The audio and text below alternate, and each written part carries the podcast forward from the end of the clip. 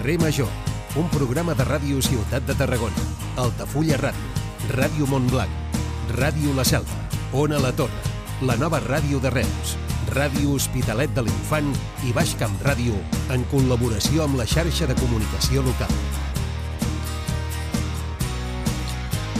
Hola, molt bona tarda. Benvinguts al programa 1158, si ho veig bé, perquè la lletra és petita i jo m'estic quedant... Divendres tinc un oculista, us ho confesso. Cada vegada estic pitjor i necessito arreglar-me aquestes ulleres progressives que ja em resulten insuficients. Ho he vist bé. Programa 1158.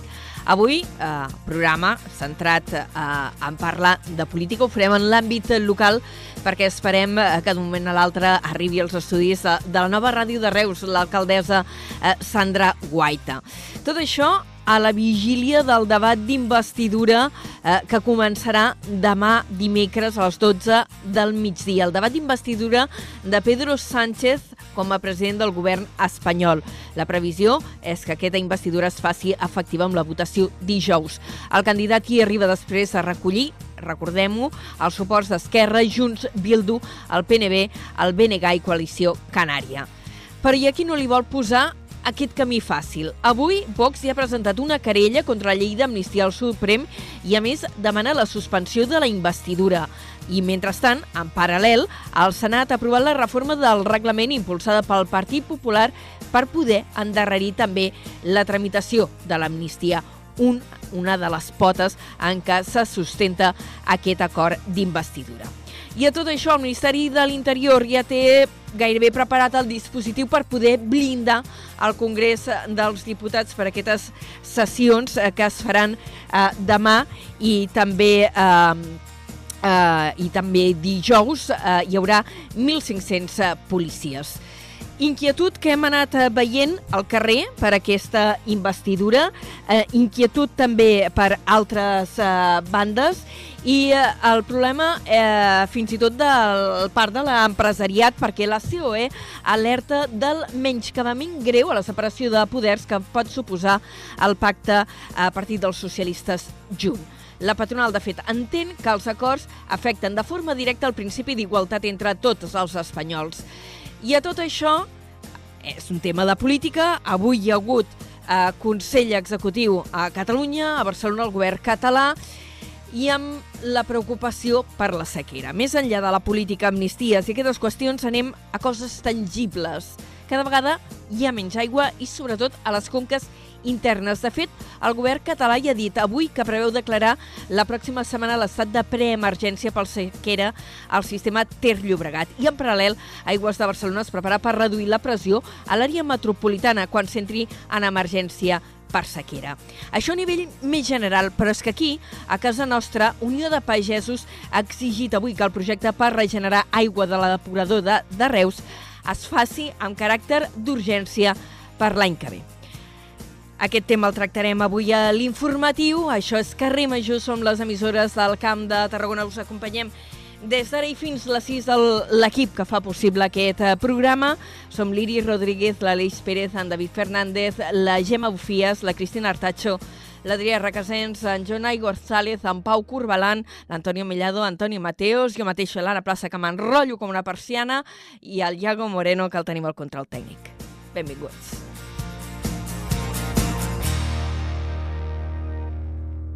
Carrer Major, Anna Plaza i Jonai González.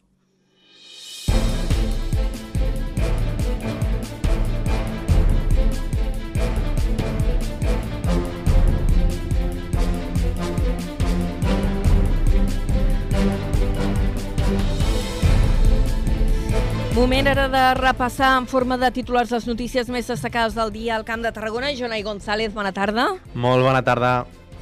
L'Estat assegura que ja no pagarà més diners per arreglar els passejos marítims que es vegin afectats pels temporals.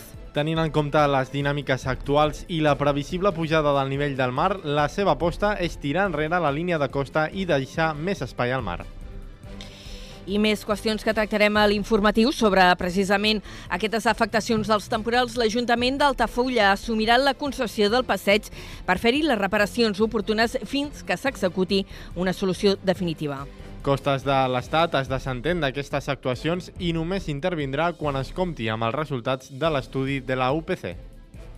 Adif implementarà el servei d'autopistes ferroviàries per a mercaderies en la via convencional que va de Tarragona a Saragossa passant per Lleida. Durant el primer trimestre de l'any vinent, licitarà la redacció dels projectes per adaptar l'amplada de 6 túnels i 16 passos superiors, per adaptar la línia a les necessitats del pas de trens de mercaderies.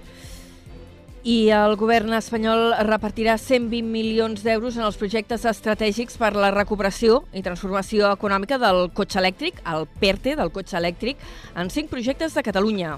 Entre aquests n'hi ha dos al Camp de Tarragona, la planta de lote a Montroig del Camp amb 49,2 milions i BASF Mat Battery Materials ubicada a la Canonja que aconseguirà 15,7 milions. I altres temes eh, que tractarem també ara en l'àmbit econòmic i laboral. Els sindicats asseguren que l'associació nuclear Escau Vandellós es compromet a garantir els llocs de feina durant un any quan tanquin les nuclears. L'empresa sosté que hi ha avenços en aquest punt del nou conveni col·lectiu, però que l'acord no està del tot tancat.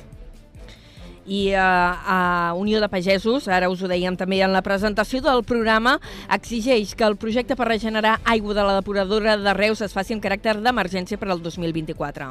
El sindicat agrari reuneix els alcaldes de la zona de rec del pantà de Riu de Canyes i els insta a pressionar el govern. Reus construirà una nova escola bressol municipal. La capital del Baix Camp no obria cap llar d'infants pública des de l'any 2009. La Fran Schubert Filharmonia un, amplia a 5 els concerts eh, que ofereix a l'Auditori de Vilaseca. L'orquestra inaugura la temporada al municipi aquest divendres després d'haver debutat als Estats Units. Jonai, moltes gràcies. Fins després. Fins després.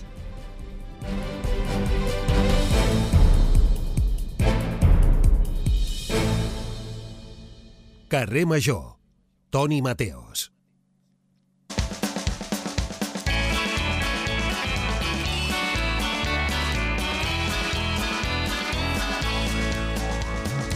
Toni Mateos, Anna Plaça, què, com estàs?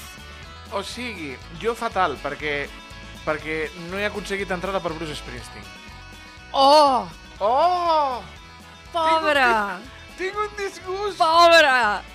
Eh, Bueno, hi ha entrades, encara queden entrades, a 450 euros. I he dit... Què bueno, dius? veure, Sí, sí, sí, sí, sí, sí. Ah, Però n'ha venut 50.000, he llegit que n'havia venut 50.000 en mitja hora.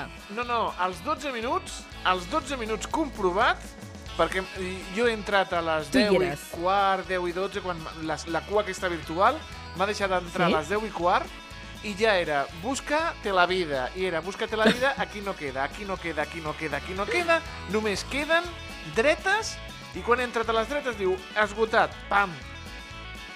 Bruce Springsteen. Pam! Bruce Farà un cinquè, Springsteen. diuen, diuen que farà un cinquè, com la Fran Schubert. Sí, diuen, diuen, diuen. Mira, com eh, la Fran Schubert, el Fran Eh. Schubert Rules són molt Eh. bons, però, a Sí. veure, han actuat eh? al Carnegie Hall, que és la tela, però clar, a veure, encara no han omplert el Sant Jordi. Bueno, però a veure, són cinc concerts que faran a Vilaseca. Sí, Cuidado, sí. eh? Eh, mira, jo volia, jo volia anar al concert d'aquest divendres, que segurament no hi podré anar perquè tinc assaig, però és que de banda mm, m'han dit que ja gairebé no queden entrades. I el concert d'aquest divendres serà molt bo, anticipo. és el que té ser bons, és el que té ser bons, com, Ah, amigo, ah, amigo. com nosaltres, que esgotarem també la primera i la segona hora, ja veuràs. Ja veuràs. Escolta'm, veuràs. què fareu? Jo, jo ara tinc la... M'han dit que a Reus ja hi ha l'alcaldessa, no la volem fer Cuidado, esperar. cuidado.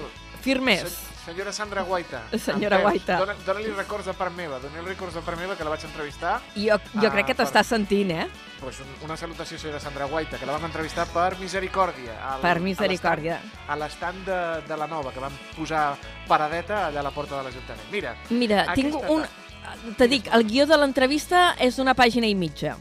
pues anirem ràpids. Perquè... No, ja et dic que no hi ha temps de preguntar-li tot això. Explica'ns què faràs la segona hora.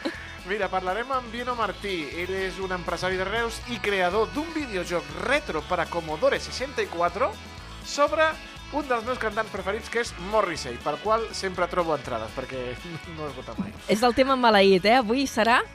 Ah, avui serà, avui serà el, vi- Vale. Vino. M'ho ha dit Vinga, bé, bé. Eh, parlarem amb el Xavi Franco sobre la campanya de Mixta Liberat a Pato Willix. Te n'en recordes? Jo no. No. No, i, i el pobre home, el, quan m'ho va explicar, el vaig deixar traumatitzant quan li vaig dir que jo no me'n recordava. És boníssima aquesta campanya, deliberat al Pato Willix, ja veuràs, parlarem Ja amb veuràs. ell. Eh, entrevistarem a la regidora de Sostenibilitat, Angie Muñoz, i a Víctor Álvarez, d'Ecologistes, per parlar del intercanvi, del mercat d'intercanvi de segona mà de Torre d'Embarra, banda sonora del Camp de Tarragona, i a la Furgo anirem a parlar amb la gent de la Molassa de Tarragona, que han rebut un premi. I mira, Oh, i tant. És que fan moltes coses xules a la Molassa. I, I tant. Molt bé. Això és el Toni peix que tenim per Mateos. aquesta tarda. Uh, doncs mira, ja ho tenim tot venut, eh? Vull Tot dir, venut, ara, gairebé, ara gairebé. subhasta. Nena, nena, nena. Encara belluga. Tenim Mateos. Fins tot. després. Abraçada. Abraçada. Adéu. El valor del Camp de Tarragona. Carrer Major.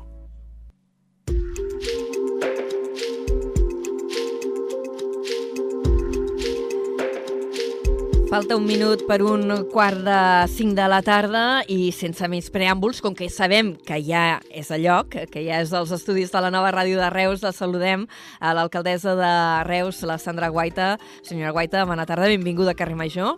Hola, bona tarda. Avui, en un context no tan festiu com Misericòrdia, avui farem repassada una mica de projectes que teniu o que hi ha en marxa a Reus, que no se'ns acaben les qüestions per preguntar-li. Eh, De fet, avui mateix anunciàveu l'obertura o la creació d'una nova escola Bressol. Sí, exactament. És una nova de les apostes que tenim com a govern municipal, al posar les persones al centre de les polítiques i en aquesta línia hem fet avui la, la proposta.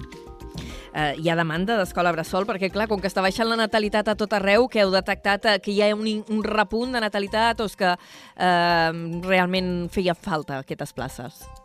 Hi ha diverses causes. Primer, una, que les escoles bressol municipal estan plenes perquè tenen una dinàmica de funcionament que a la gent els agrada molt. Segon, per temes de conciliació familiar, al mercat laboral cada cop la gent està treballant més i per tant necessitem aquesta eina de conciliació. I tercer, la gratuïtat del I2, que és de 2 a 3 anys, fa que moltes més famílies no, apuntin els nens i nenes a les escoles bressol i per tant vam, vam trobar que era un moment necessari per fer una nova escola bressol municipal. Escolti, permeti que li traslladi també una petició eh, que no sé fins a quin punt és competència de l'Ajuntament, perquè aquí també intervé l'Agència Catalana de l'Aigua, però com que és una reclamació que s'ha fet aquest mateix matí i a Reus, doncs aprofito per traslladar-li, que és Unió de Pagesos que ha exigit eh, que el projecte de, per regenerar aigua de la depuradora de Reus es faci amb caràcter d'emergència ja l'any vinent. Aquí l'Ajuntament hi pot jugar algun paper? Bé, aquí des d'Aigües de Reus la reclamació que han fet a Unió de Pagesos també és la mateixa reclamació que fem des d'Aigües de Reus. Nosaltres tenim a disposició aquesta aigua que podria ser aigua regenerada, la inversió l'ha de fer la, la Generalitat i nosaltres sí que hem posat a disposició no, aquesta aigua perquè es faci el terciari que permetria la reutilització d'aquesta aigua regenerada. Mm -hmm. uh, de fet, hi ha múltiples uh, projectes uh, en marxa de, de gestió de l'aigua. Sí, exactament. Nosaltres sí que estem treballant amb la regeneració de l'aigua per la utilització també, per fins i tot no tan sols pel rec dels pagesos i pageses del nostre territori, que és una de les opcions, sinó també per reutilització de l'aigua per rec nostre propi de la ciutat, que així també utilitzem no? aigua regenerada, i després hi ha accions específiques del bon funcionament de, de les canonades de l'aigua de, de Reus, que això ho està treballant també des d'aigües de Reus, i els diferents abastaments que tenim d'aigua, que és del pantà o del CAT o dels pous, doncs estem treballant en aquesta línia no? per garantir l'abastiment d'aigua i garantir també que fem un ús racional de la mateixa, que és un bé preuat avui en dia. Mm -hmm. uh, també projectes dintre d'aigua de Reus per reaprofitament energètic. Sí, exactament. També estem, no tan sols aigües de Reus, sinó des de Reus Energies, està treballant molt amb la implantació d'energies renovables a la nostra ciutat i justament en aquesta línia, des de Reus Energia i des d'Aigües de Reus, estem eh, implantant eh, les diferents eh, plantes no, de- d'energies de, renovables per tal de que el, el propi, els edificis municipals siguin autosostenibles en, en energia neta. Mm -hmm. I havíeu plantejat fins i tot la possibilitat que amb l'excedent, si n'hi hagués, eh, d'aquesta energia que, que, que es produeix pels edificis municipals, es pogués aprofitar també eh, per subministrar comunitats energètiques. Això en quina fase ho teniu? Sí, això està en una fase molt preliminar. Tenim ara tenim una comunitat energètica, Aro Reus, que aquesta sí que està eh, en, implantant les plaques i està en funcionament, però això no és exactament l'empresa d'energia de Reus. Vale? Per tant, la comunitat energètica aquesta està en funcionament, s'estan implantant les plaques i després des de Reus Energia sí que s'està treballant no, en la línia primer, la implantació pel subministrament municipal, que això el que fa és reduir costos eh, de manera substancial de l'Ajuntament i després, quan tinguem excedents, perquè clar, s'estan implantant totes aquestes plaques, quan tinguem excedents, treballar en possibles comunitats energètiques amb, amb la resta de, de veïns i veïnes de la ciutat.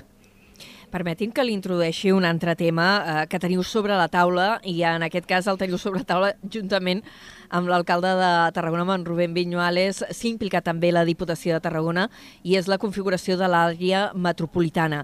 Eh, la Diputació eh, va dir, eh, o va, es va comprometre ara mm, fa escasses setmanes, no deu fer ni un mes, a fer un informe per definir com ha de ser aquesta àrea metropolitana, però en paral·lel des dels ajuntaments esteu fent passos i de fet divendres passat teníeu una reunió amb els alcaldes de Reus, eh, ai, perdó, de Salou, Constantí i, i la Canonja, a més de vosaltres dos. Sí, de fet, eh, anem tots una mica en paral·lel perquè crec que és el que hem de fer, no? La força del territori l'anirem sumant entre tots i totes i per tant els passos inicials, com vau veure, va ser Reus i Tarragona perquè som els dos municipis més grans, però això òbviament no volia dir anar sols, volia dir vam anar a parlar amb la Diputació de Tarragona que també està molt alineada, vam parlar amb el delegat del govern de la Generalitat a, a Tarragona i també estan alineats i després amb els diferents municipis que inicialment semblen el cor, no? el nucli de la possible àrea metropolitana, que era Constantí, eh, la Canonja, Cambrils, Salou, Vila Seca, Reus i Tarragona, i amb aquests eh, hem parlat tots, eh, tots i totes hem parlat de la possible definició d'aquesta àrea metropolitana i estem anant tots en paral·lel amb les funcions no que ens hem anat encarregant cadascú de nosaltres. M'havia deixat Cambrils pel camí. Per cert, en Vilaseca us vau reunir divendres al matí amb els altres divendres a la tarda no sé si ser per una simple qüestió d'agenda o, o permetim-me pensar que els altres ajuntaments eh, hi ha governs socialistes. Di, en Vilaseca ens vam reunir divendres al matí a primera hora, bueno, a, a mig matí, i, el, i la resta d'ajuntaments va ser una miqueta més tard, però també va ser al matí, i va ser un tema d'agendes, bàsicament, i també nosaltres ens pensàvem, ens semblava adequat també com a deferència anar a l'Ajuntament de Vilaseca i parlar amb el seu alcalde, i amb ell li anava bé l'agenda en aquell moment, i per tant vam decidir des de Reus i Tarragona anar justament a l'Ajuntament de Vilaseca, i després la resta sí que ens va anar bé tots veure'ns a Cambrils, i per tant vam, vam centrar-nos en, en un únic ajuntament per agilitzar també agendes de tots i totes. I per què tornar a posar sobre la taula l'àrea metropolitana de, del Camp de Tarragona? Anys enrere ja hi havia hagut aquell intent de fer el Consorci del Camp de Tarragona que va acabar esllenguint-se per si mateix i del qual ara ja podríem dir que ningú se'n recorda. Per què ara impulsar l'àrea metropolitana? Hi ha diferents factors. Primer és un tema de generacional. La gent que estem ara als ajuntaments eh, estem tots convençuts i totes convençudes de que això és el moment ara, perquè tots ho veiem, ho veiem com una oportunitat històrica. Les altres administracions en aquest moment també estan alineades, però una altra peça molt important és que, per exemple, serveis que es volen mancomunar, com per exemple el transport, eh, estan en un punt d'ebullició màxima. Primer, amb el tramvia, que serà, esperem que sigui una realitat, o sigui, la Generalitat ha dit que sí que ho serà i per tant nosaltres confiem en que això sigui així i és una oportunitat de transport de mobilitat històrica per la demarcació, però també perquè les concessions, els autobusos acaben el 28 i per tant hem de definir quin model de transport en l'àmbit de l'autobús també volem definir pel territori. Per tant, en l'àmbit de transport és un moment històric. En àmbits de residus, el mateix. Estem acumulant ja serveis amb Cirusa, però podem incrementar la mancomunació de serveis no? per donar un millor servei a tota la ciutadania. I amb una problemàtica tan greu com tenim en aquest moment amb els residus, pensem que és un moment també oportú. Però també s'han ficat damunt de la taula temes com l'energia o com la promoció econòmica, fer-ho des d'una visió territorial i al final el que volem és fer lobby, no? també? O sigui, des del territori fer lobby a les altres administracions per tal de que sàpiguin el potencial, el talent que tenim al territori que per tant nosaltres volem decidir també sobre el nostre propi territori. Ara ha parlat de mobilitat, del trencamp dels autobusos interurbans. Clar, això depèn de la Generalitat i intervindrà també la Generalitat eh, en aquesta configuració de l'àrea metropolitana del, del Camp de Tarragona? És que nosaltres que hem dit des d'un primer moment és que, òbviament, nosaltres eh, no volem eh, anar d'esquena a ningú ni contra ningú, sinó que volem anar de la mà de ningú. Però aquesta de la mà ha de ser amb una condició d'igualtat, no? perquè des del propi territori entenem perfectament quina és la mobilitat o quina és la situació pròpia que tenim al territori i, per tant, volem anar units que a parlar amb la Generalitat, perquè òbviament les competències que són de la Generalitat ho són, però nosaltres també hem de poder definir no? el, el traçat, per exemple, d'aquest tramvia, hi havia un traçat marcat per la Generalitat, però els ajuntaments han fet esmenes, o la nova licitació de transports que et deia abans, de transports dels autobusos que acaba el 28, això ho hem de parlar de tu a tu amb la Generalitat per saber i definir quin model de transport volem. I això pensem que tenim molta més força si al territori ja tenim aquest consens previ fet i llavors, òbviament, treballar-ho amb la Generalitat o amb el govern de l'Estat o, amb, o amb Brussel·les si cal. Eh? Vull dir, però sí que hem de tenir aquesta visió unitària que des del territori hi ha hagut èpoques o moments històrics que ens ha faltat i que pensem que ens ha fet més dèbils en aquell moment i ara no ens ho podem permetre perquè estem en un món totalment globalitzat i per tant no tenim força cadascú de nosaltres per separat, sinó que la força és la del territori. Eh, la confluència de colors polítics eh, entre Tarragona i Reus i aquest canvi generacional també del que parlava eh, afavoreix aquestes qüestions?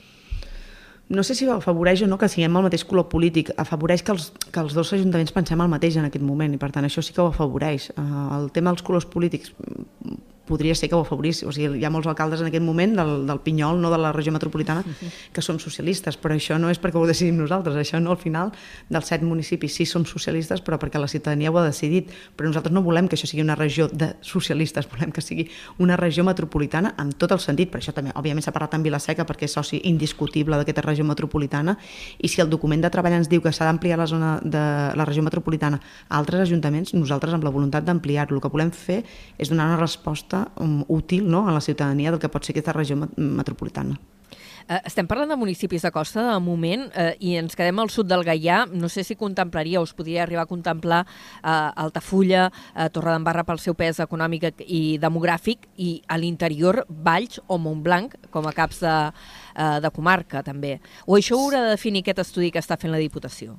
De fet, nosaltres ens hem basat en aquests set documents perquè el hi ha un document de la Generalitat que ja parla d'aquests set documents, ai, d'aquests set municipis, perdona, sí. i per tant ens hem basat en primer en aquests set municipis perquè ja la Generalitat ja marca no, com a zona d'influència aquests set municipis. Però sí que volíem que hi hagués un document amb criteri científic, si em permets dir-ho així, no? Uh -huh. que ens permeti saber si han de ser tan sols aquests set documents que venien ja marcats prèviament per un document de la Generalitat o hem d'anar més enllà, no? No tan sols amb aquesta regió metropolitana, amb la seva àrea d'influència, que de fet és el que passa amb altres mm, àrees metropolitanes, no? que tens l'àrea i la zona d'influència, que també hi ha altres municipis que pertanyen a l'àrea d'influència. No? I això és el que ens ha de marcar aquest document més científic i més de treball que, que, que s'ha encarregat i que en principi, a principis de l'any que ve, finals d'aquest o principis del que ve, el tindríem ja disponible. Pel que fa a mobilitat, tornem al trencamp. Eh, els ajuntaments, ara ho deia, vau presentar al·legacions perquè la segona fase és la que hauria d'arribar a Tarragona i Reus. Aquesta primera és la que aprofitaria la línia que s'ha desmantellat de, de l'antic eh, eix ferroviari eh, que anava de Salou, Cambrils i, i fins a Vandellós. Um, des de Reus, quines uh, millores creieu que s'hauria de fer en el redactat d'aquesta segona fase uh, de trencamp? Nosaltres el primer que volem, i ho hem dit amb les diferents reunions amb serveis territorials i, i fins i tot amb la consellera quan va venir a, a l'Ajuntament, nosaltres el primer que volem és que sigui una realitat no? perquè això és el, primer que, que estarem atents de que això sigui una realitat, no? perquè fa molts anys que, que sabeu que es parla d'aquest possible tramvia, al principi es deia un tren tramvia, després, bueno, primer que sigui I realitat. I hem dit de 50 vegades diferents, el tramvia, sí, sí, sí, el tren tram, sí, sí. el trencamp... Exactament.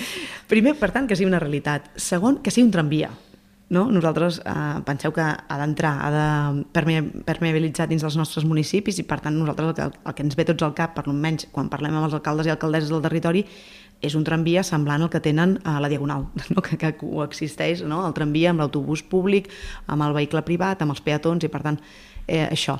I després eh, que s'ha de treballar conjuntament amb el territori. Per què? Perquè eh, el territori ha de tenir, òbviament, una visió global, i això la Generalitat ho pot fer, però també la visió global l'hem de tenir des del propi territori, on, on sabem on hi ha eh, els eixos de connexió entre els diferents eh, municipis i també quan ha d'entrar el tramvia a un municipi, per on ha d'entrar, quin ha de ser el traçat interurbà i així, nosaltres hi volem, eh, hi, hi volem tenir un paper important a dir, no? perquè, clar, al final hi ha una afectació important no? als canvis de mobilitat interna dels propis, dels propis municipis i aquí sí que la competència és estrictament municipal. No? Per tant, amb això és el que reclamem, no? que primer es faci, segon que es, fa, es faci amb un tramvia del segle XXI, per tant, que sigui adequat a les necessitats, i tercer, que es faci de la mà del territori per tal de que, bueno, que, que, que sigui una eina útil perquè els, els reusencs i reusenques, però també totes les persones que viuen al Camp de Tarragona el puguin utilitzar i per tant puguem eh, deixar el vehicle privat a casa perquè anem tan còmodes amb el vehicle públic o amb el transport públic que no necessitem utilitzar el nostre vehicle privat.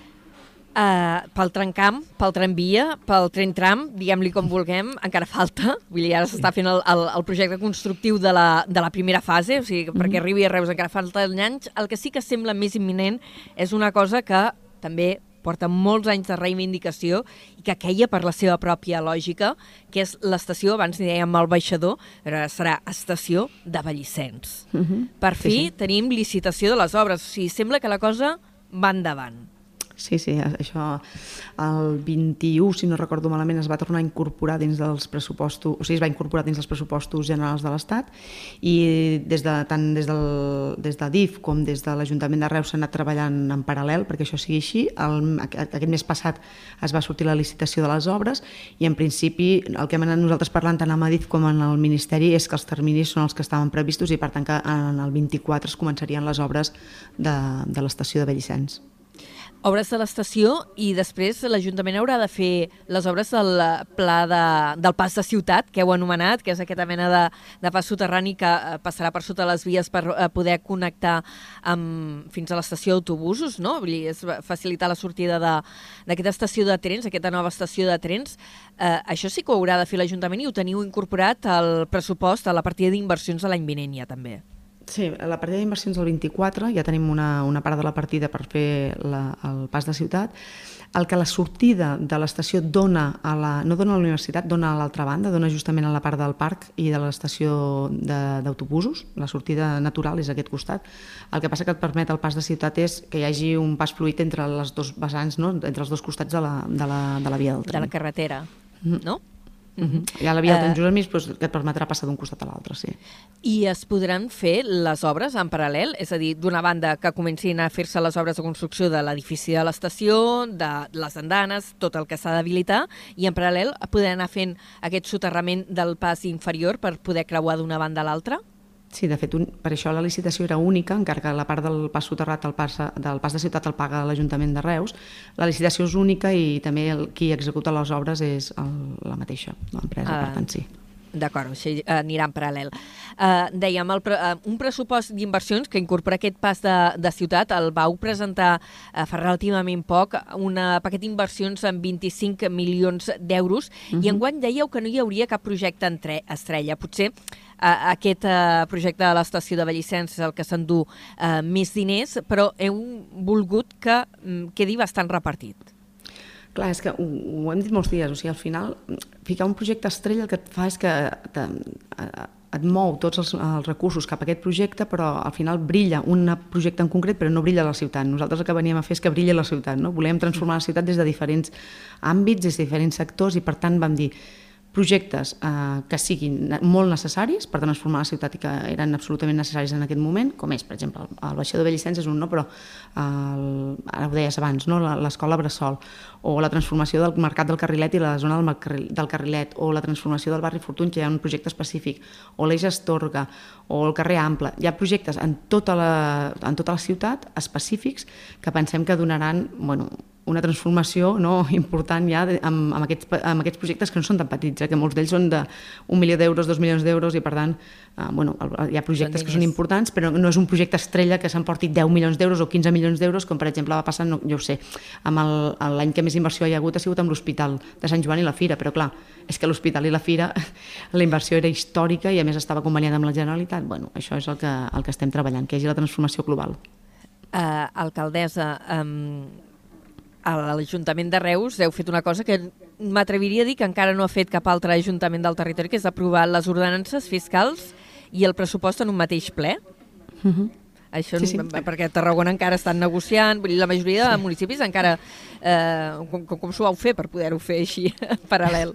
Nosaltres el que vam dir, bueno, això s'ha fet amb moltíssima feina de moltíssima gent que ha ficat tota l'energia des del mes de juliol, quan vam constituir el nou govern municipal, i ens van marcar tres eixos molt importants per nosaltres. Un era el Pla d'Acció Municipal, segon era, òbviament, les ordenances fiscals i tercer era el pressupost, perquè cap de les tres coses no té sentit sense l'altra, no? I per tant, eh, era absolutament necessari que la ciutadania, els reusencs i les reusenques sàpiguen quin és el nostre model de ciutat i quin és el nostre projecte, i això ve reflexat dins el PAM, del Pla d'Acció Municipal, però el PAM no té sentit si no ho reculls dins del pressupost municipal del 24, perquè no, les actuacions ja comencen a, a fer-se durant el 24. Per tant, tot havia d'anar lligat, i això sí que vull agrair eternament la feina no tan sols de l'equip de govern, sinó dels tècnics eh, els i les tècniques de la casa que hi hem ficat mm, l'accelerador al màxim per tal de que això sigui una realitat, que és una feinada exagerada, però pensàvem que era una cosa importantíssima per donar no, uh, aquesta transparència, aquesta visibilitat que volem tenir de l'Ajuntament cap a la ciutadania perquè la, la ciutadania tingui clar què hem vingut a fer dins del nostre municipi. A Reus potser hi ha hagut menys soroll mediàtic que a Tarragona, però també hi ha hagut eh, protestes per la pujada de, dels impostos. En el cas de l'IBI, eh, que és uh -huh. potser el més general, l'impost de béns immobles puja un 12,5% i el de la brossa un 14%. Eh, dèieu que és per quadrar números perquè si no no arribàvem, però ens trobem davant d'un pressupost que s'incrementa respecte al d'enguany, s'incrementa en un 11,5%. Uh -huh. Justament. Primer, hi ha, hi, ha, hi ha diversos temes que jo entenc, entenc la confusió i, i és normal perquè ens passa, a, a, o ens podria passar molt si no ens ho expliquen bé. No? Uh, un tema important és uh, la despesa corrent, que això ho hem explicat moltes vegades, no? que és la necessitat de, del dia a dia d'obrir la llum de casa teva, de l'omplir la nevera, de la benzina del cotxe. No? Aquest, aquí és on teníem la problemàtica. La despesa del dia a dia de l'Ajuntament és la que ens faltaven aquests diners que, que ja vam comentar.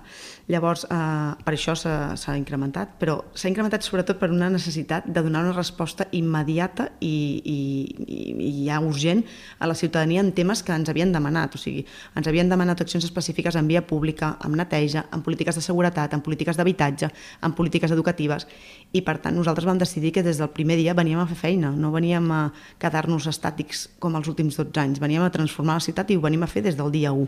I amb això que algunes persones ens deien però no es podia esperar, doncs no, no es podia esperar perquè si veiem molts dels equipaments municipals, veiem molts dels de, barris com estan, els barris, els, el, els problemes que teníem amb, amb la neteja o amb els plans de xoc que hem tingut que fer, és que era una urgència i per tant nosaltres no podem esperar un altre any més a que la ciutadania comenci a veure la, les demandes que ens han fet fetes, una, fetes realitat i per tant des del primer dia ens hem posat a fer feina i hem sigut rigorosos, transparents, ho hem explicat des del primer moment, el que cada cop que hem anat sabent les dades les hem anat explicant, hem sigut rigorosos, transparents i, i tot buscant una, donar resposta als reusencs i reusenques que van demanar al mes de maig que hi hagués una manera diferent de fer política i la manera diferent de fer política és transformar aquesta ciutat i per tant una eina de transformació òbviament és el pressupost municipal i, i les ordenances i per això ho hem fet. Són les 4 i 34 minuts. Mm, haurem d'anar enllestint, però em queden tantes preguntes per fer-li. I ara, de fet, aquests dies esteu en fase de proves de la reordenació del trànsit al, al centre històric de, de la ciutat, al centre històric de, de Reus, que els primers dies van fallar lectors de matrícules. No tenim com, no sé com tenim la situació ara mateix. Sí, de fet, el pla, el, el, les proves inicials justament és per això, no? perquè si hi ha, hi ha algun problema amb les matrícules, hi ha algun problema amb els mals lectors, hi ha algun problema amb veïns i veïnes que tenen dubtes, no? a, aquest període de prova fins al gener justament era per anar llimant tots aquests problemes. Uh, a dia d'avui, de fet, tenim la Guàrdia Urbana ubicada també allà per si hi ha alguna problemàtica específica que puguin donar una resposta ràpida als veïns i veïnes o, o, al, o al, a la gent de, dels transports que ve a fer de càrrega i descàrrega, no? per tant, està la Guàrdia Urbana allà. De moment, el primer dia va ser potser el, el dia més eh, de sorpresa per tothom de veure com va això, no? la novetat, però a mi sí, perquè clar, quan, sabem que els humans els canvis ens costen una mica a tots, no? I, i per tant, quan hi ha un canvi, diu, a veure, com funciona això, no? I és normal perquè ens passa a tots i totes. Uh, uh, avui em estaven dient que les coses estan molt normalitzades, que els lectors, uh, excepte un que em sembla que té una problemàtica, em sembla que avui o demà s'acabava d'arreglar, la resta de lectors estan funcionant tots bé, jo amb els veïns i veïnes que he anat parlant, la gent bé, que, que hi havia una problemàtica inicial, no? però crec que van anar molt bé les reunions prèvies que es van fer amb ells. Van hi haver quatre o cinc reunions amb els veïns i veïnes i va hi haver un díptic que es van enviar a totes les cases perquè sapiguessin també quines eren les condicions de circulació, els veïns i veïnes que vivien dins del barri no havien de fer res, simplement no? la matrícula quan ja tens el, co el cotxe allí registrat, per tant, i això venia de, per defecte. Bueno, aquestes problemàtiques que la gent tenia normal perquè no s'havia explicat, no? nosaltres quan vam arribar arribar, ho vam explicar i, i s'acabarà de llimar si hi ha alguna problemàtica més específica o alguna situació que no s'hagi tingut en compte en aquest moment inicial, doncs per això que està aquest període de prova d'un mes i escaig, quasi dos mesos, fins al mes de, de gener.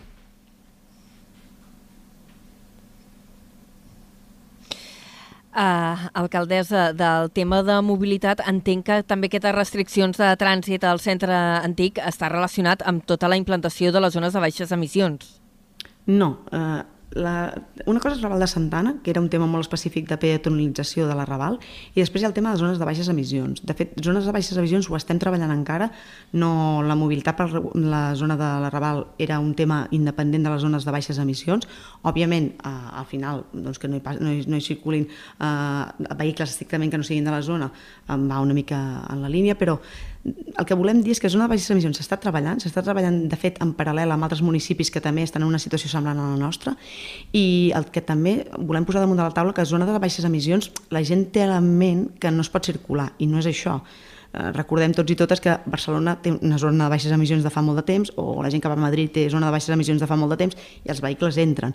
S'ha de vehiculitzar com eh, és quins vehicles entren, com s'entra i per tant això és el que s'està treballant. Però això també es farà de la mateixa manera que hem fet des de que hem canviat el govern, no? eh, amb aquest procés d'escolta activa, d'explicar-los als veïns i veïnes la situació, d'intentar donar la màxima informació perquè al final la ciutadania necessita la informació per saber el que passarà, no? perquè al final si ho deixem tot en la incertesa la gent té molts dubtes no? del que acabarà sent i per tant el que això s'ha de treballar, s'han de fer reunions amb veïns i veïnes, s'ha d'explicar, s'ha d'explicar el model i també recordar simplement que a part d'una visió, òbviament d'una mobilitat sostenible que l'Ajuntament de Reus té, no tan sols per la mobilitat en si, sinó un tema molt important que no ho deixem de banda, que és pel tema de la salut dels veïns i veïnes de la ciutat, dels reusencs i reusenques. No? Això és una vocació d'aquest Ajuntament, però també perquè hi ha una normativa no tan sols espanyola, sinó europea, que ens marca que hem d'anar en aquesta línia i per tant nosaltres tenim una llei estatal que ens marca que hem de tenir zona baixes emissions i per tant els municipis de més de 50.000 habitants sí o sí ho hem de tenir i per tant en aquesta línia és amb la que hem de treballar amb la col·laboració amb els veïns i veïnes però també sent conscients que hem de complir una llei estatal que si no aquí tindrem un problemes, òbviament. Alcaldessa, m'han quedat moltes coses per preguntar-li, mm, ho haurem de deixar aquí, però m'ha quedat per preguntar-li per l'Hispània, m'ha quedat per preguntar-li pel mercat del Carrilet, eh, per demanar-li valoració de com està funcionant l'aeroport de Reus. Per tant, ja li dic ara que d'aquí unes setmanes, quan li vagi bé, o a principis de l'any vinent, que la tornarem a convidar per, per poder seguir repassant qüestions d'actualitat i que són d'interès per la gent de Reus i per la gent del territori perquè la interconnexió que hi ha entre els municipis del camp i, a, i hem començat l'entrevista precisament parlant d'això és moltíssima. Mm, per mi perfecte, moltes gràcies. Quan ens convideu aquí que vindrem. Moltíssimes gràcies. Adéu-siau, bona tarda. Adéu. Adéu. Carrer Major, al Camp de Tarragona, des de ben a prop.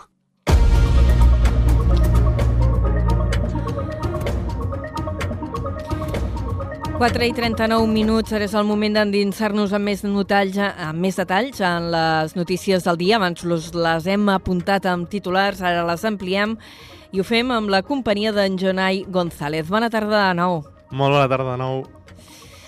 L'Estat assegura que ja no pagarà més diners per arreglar els passejos marítims que es vegin afectats pels temporals. Tenint en compte les dinàmiques actuals i les previsibles pujades del nivell del mar, la seva aposta és tirar enrere la línia de costa i deixar més espai al mar. Els punts més fràgils de la Costa Daurada i s'ha vist en els darrers temporals són Altafulla, la platja llarga de Roda, les platges llarga i del Miracle de Tarragona i també les de Calafell i el Francàs al Vendrell. El director del Servei Provincial de Costes, Antoni Espanya, defensa que cal buscar solucions estructurals que passen per renaturalitzar els espais i deixar de reparar passejos que pateixen danys amb cada nou temporal el Ministeri està per eh, retranquejar i naturalitzar tots aquests espais perquè sabem del cert que tard o d'hora aquests anys se tornen a repetir i per tant no té cap sentit reparar una infraestructura que sabem que és hora de, de reparar als pocs, als pocs mesos o, o l'any següent. No? Llavors nosaltres apostem des del Ministeri per solucions estructurals això a la valoració general des de Costes de l'Estat. A Roda de Barà ja tenen coll avall que les aportacions de sorra són insostenibles. L'alcalde Pere Virgili afirma que el municipi no es pot gastar 200.000 euros cada cop per regenerar la platja. A mitjans d'octubre, les onades es van endur una històrica guingueta de roda i van fer destrosses al passeig. Tres setmanes després, la platja és més ampla que a l'estiu. Virgili diu que davant d'aquestes dinàmiques canviants que tants estralls provoquen, cal fer un plantejament de futur que potser passa per renaturalitzar l'espai però sí que segurament que les coses han canviat, les, les dinàmiques del litoral han canviat i han canviat molt en els últims anys i pel que sembla aniran canviant i a més per tant, sí que haurem de, de parar i fer un pensament a, a llarg termini i possiblement passi per això, per renaturalitzar aquest espai de la platja. A Vilaseca, on la platja de la Pineda també és molt vulnerable, tenen ja un projecte de transformació del passeig marítim que serà finançat amb fons Next Generation. L'alcalde Pere Segura ha explicat que busquen un front marítim més resilient i que es pugui adaptar a les dinàmiques canviants. Per aquest motiu, s'opta per enretirar la línia de costa i en aquest sentit fem una cosa que és molt poc habitual, que és moure la línia de costa eh, cap a l'interior en tot bé 20 metres. Eh? 20 metres cap endins, fent desaparèixer tota una carretera i en lloc de, on hi ha la carretera se passa a fer doncs, una zona de, de transició de dunes que, que permet de fer unes mobilitzacions de sediment, de vegetació, de fixació natural Segons el Ministeri per a la Transició Ecològica, l'escenari és que en els pròxims 25 anys el mar pugui pugi uns 15 centímetres, però a partir del 2050 i fins a finals del segle pot arribar a pujar un metre. I abordem ara el cas concret d'Altafulla, on l'Ajuntament ha anunciat avui que assumirà la concessió del passeig per fer-hi les reparacions oportunes fins que s'executi una solució definitiva. Costes de l'Estat es desentén d'aquestes actuacions i només intervindrà quan es compti amb els resultats de l'estudi de la UPC. Des d'Altafulla Ràdio en dona més detalls la Carol Cubota. L'Ajuntament d'Altafulla haurà de fer-se càrrec de totes les intervencions que realitzin al passeig de botigues de mar per fer front a l'embat dels temporals i la regressió de la platja fins que no s'executi la solució definitiva que pot trigar en arribar uns 5 anys. De fet, aquest és el període que s'ha establert perquè el consistori assumeixi la concessió de la infraestructura. Així s'ha decidit en una reunió per valorar l'estat de la infraestructura que es va trencar durant els temporals de mar de fa dues setmanes. Ara es farà un projecte per definir quines reparacions i reforços cal fer al passeig, com explica la alcaldessa Alba Muntades. Seguint també les directrius de, de, del Ministeri perquè no, no farem ara unes obres que en, les, en el termini de 5 anys s'hagin de, de desfer, doncs eh, decidirem com, com hem de fer aquesta adequació del passeig. Costes de l'Estat passa així la pilota a l'Ajuntament, ja que el Ministeri diu no fa reparacions puntuals d'estructures dins del domini públic que al cap de poc temps tornin a trencar-se. Quan sí que intervindrà serà quan es determini una solució definitiva arran de l'estudi dels corrents marins que fa la Universitat Politècnica de Catalunya i que trigarà encara uns 3 anys. Moltes gràcies, Carol. I anem ara a parlar d'infraestructures de mobilitat de mercaderies. Adif ha anunciat que implementarà el servei d'autopistes ferroviàries per a mercaderies en la via convencional que va de Tarragona a Saragossa passant per Lleida. Durant el primer trimestre de l'any vinent licitarà la redacció dels projectes per adaptar l'amplada de sis túnels i també de 16 passos superiors per poder eh, adaptar la línia a les necessitats del pas d'aquests trens de les autopistes ferroviàries. Es preveu en total una inversió de 60 milions d'euros. Segons Adif, la línia Tarragona-Saragossa és clau per al desplegament de les autopistes ferroviàries a l'Estat, perquè és la que té més demanda. Hi ha més de 100 circulacions setmanals per sentit i, a més, permetrà enllaçar en futurs serveis des d'Algeciras, Huelva o Vitoria. Les autopistes ferroviàries permeten a carregar tràilers de carretera o semiremolcs utilitzant vagons especials. Això fa més eficient i competitiu el transport. Per afavorir aquest trànsit d'aquests convois de mercaderies, a més d'adaptar túnels, s'ampliaran les vies d'apartat fins als 750 metres en 6 estacions. Aquestes actuacions se sumen a les que ja es van fer a l'estació de Vilaverd, a la Conca de Barberà. I parlem ara del PERTE, del vehicle elèctric. El govern espanyol ha anunciat que en el cas de Catalunya repartiran fins a 120 milions d'euros per finançar eh, cinc eh, projectes en total. D'aquests dos corresponen a la demarcació de, de Tarragona, el Camp de Tarragona, i destaca especialment l'OTE Energy Materials, que s'endurà més de 49 milions d'euros. El Ministeri d'Indústria, Comerç i Turisme ha publicat la llista definitiva d'aquestes ajudes a projectes de producció de bateries de vehicles elèctrics i, en total, 120 milions d'euros seran per 5 empreses situades a Catalunya. A la demarcació, com dèiem, a banda de l'OT Energy que té previst instal·lar-se a Montroig, BASF Battery Materials també rebrà una subvenció, seran 15,7 milions d'euros i s'ubica a la Canonja. Korea Foundation valora la possibilitat de convertir Tarragona en un hub per a Europa. Aquesta és una de les qüestions que s'han tractat en la darrera trobada del 15è Fòrum Espanya-Corea, que avui dimecres s'ha fet a la Cambra de Comerç de Tarragona. L'acte ha reunit representants de la societat civil, de les administracions públiques i del món econòmic i cultural d'Espanya i Corea. El Fòrum Espanya-Corea constitueix una plataforma de diàleg per potenciar les relacions bilaterals i explorar oportunitats de col·laboració. La primera jornada d'aquest fòrum es va fer ahir a la seu de Foment del Treball a Barcelona i avui s'ha fet la segona a la ciutat de Tarragona. En l'àmbit també industrial, però des de la perspectiva dels treballadors, els sindicats asseguren que l'associació nuclear Escó Vandellós es compromet a garantir els llocs de feina durant un any quan tanquin les centrals. L'empresa sosté que hi ha avanços en aquest punt de la negociació del nou conveni col·lectiu, però que l'acord encara no està del tot tancat. Per als empleats, aquest és un dels punts essencials que formaran part del nou conveni col·lectiu que s'està negociant.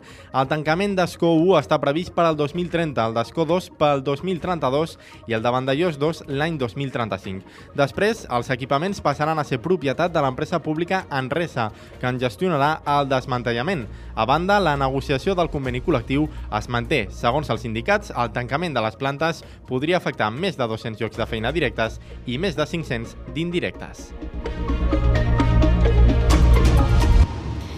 4 i 48 minuts, eh, situació de sequera extrema. De fet, des de la Generalitat ja us comentàvem que la setmana que ve es podria decretar l'estat de preemergència a les conques internes, és a dir, a les que depenen del Ter Llobregat, l'àrea metropolitana de Barcelona.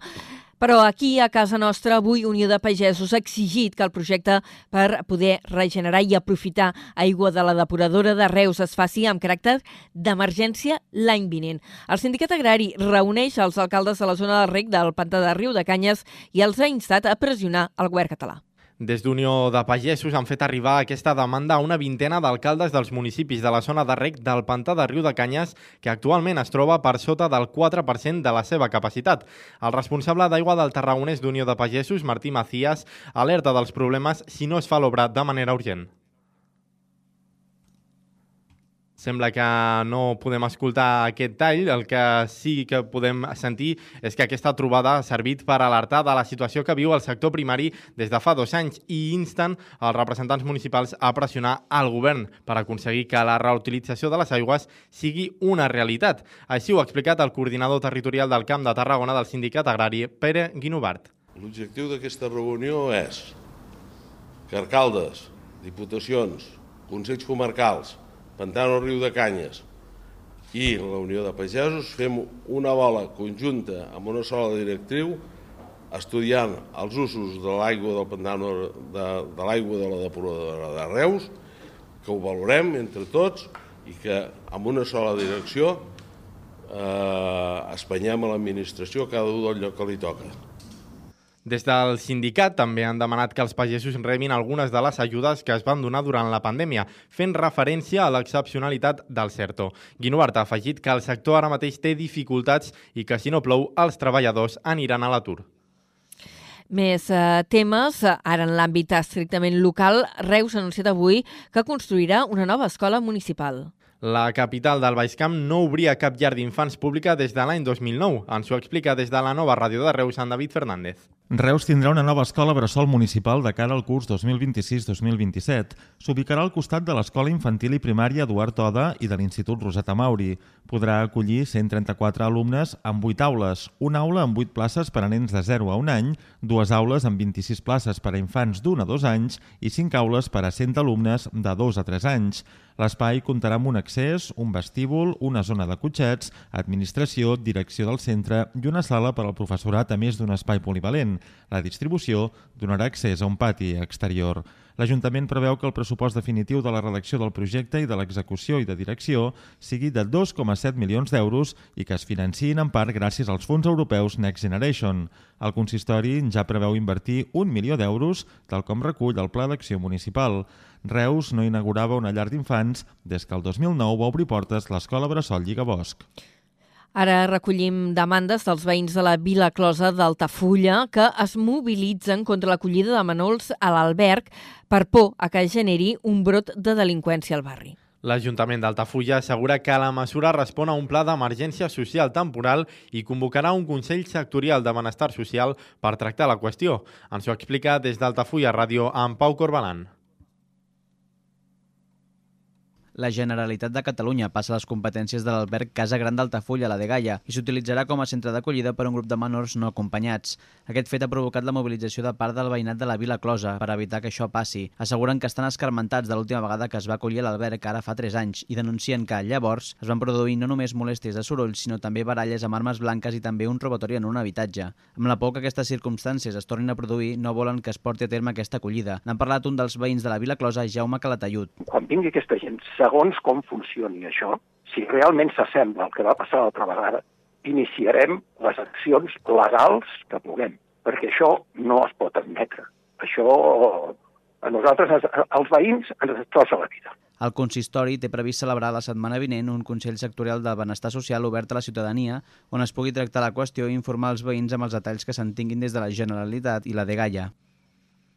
I a Torredembarra hem de dir que s'ha resolt ja l'avaria en la xarxa de subministrament d'aigua que des de divendres afectava algunes zones del municipi. D'aquesta manera, el servei ja ha tornat completament a la normalitat i també s'ha restablert la circulació habitual del trànsit a la T214, la carretera de la Riera de Gaia. Ens ho explica des d'Ona la Torre en Josep Sánchez. L'Ajuntament de la Torre ja informava ahir la tarda que en poques hores es podria restablir el servei al conjunt de la xarxa. Finalment, aquest matí el subministrament ja funcionava amb normalitat al barri de Sant Jordi i al polígon Roques Planes, els punts on s'han patit afectacions.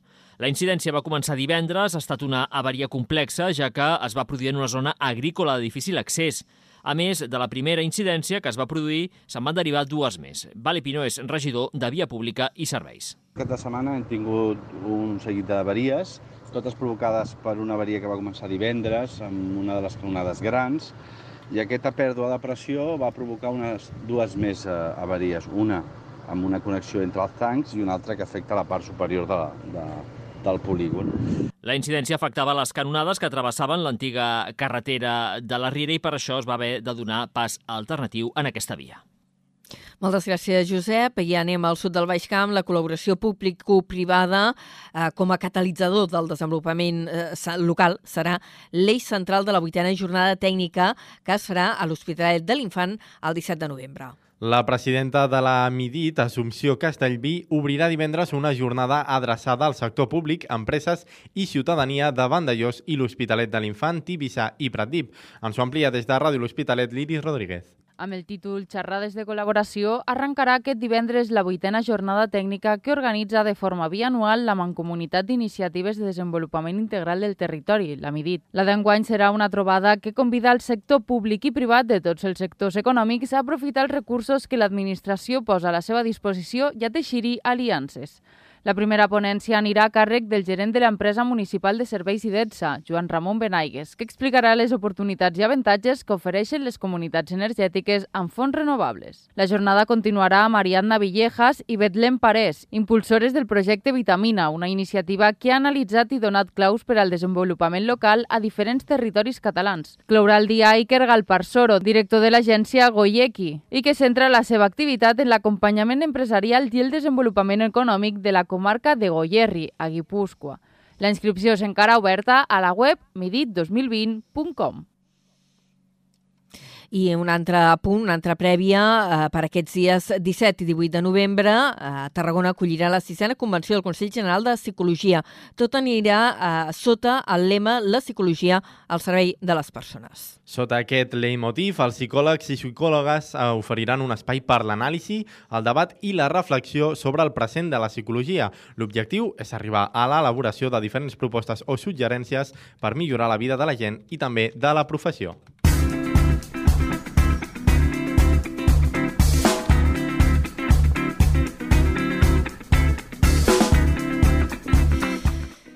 La recta final de l'informatiu, quan queda tot just un minut per acabar aquesta primera hora del programa, la dedicarem a parlar de cultura i de música clàssica, de la Franz Schubert Filharmonia, que amplia a 5 els concerts que ofereix a l'Auditori de Vilaseca. El primer, de fet, serà aquest divendres i l'orquestra tarragonina hi arribarà eh, setmanes després d'haver debutat amb molt d'èxit als Estats Units. El director de la Franz Schubert Filharmonia explicava amb aquestes paraules les sensacions que havien tingut després del debut al Carnegie Hall.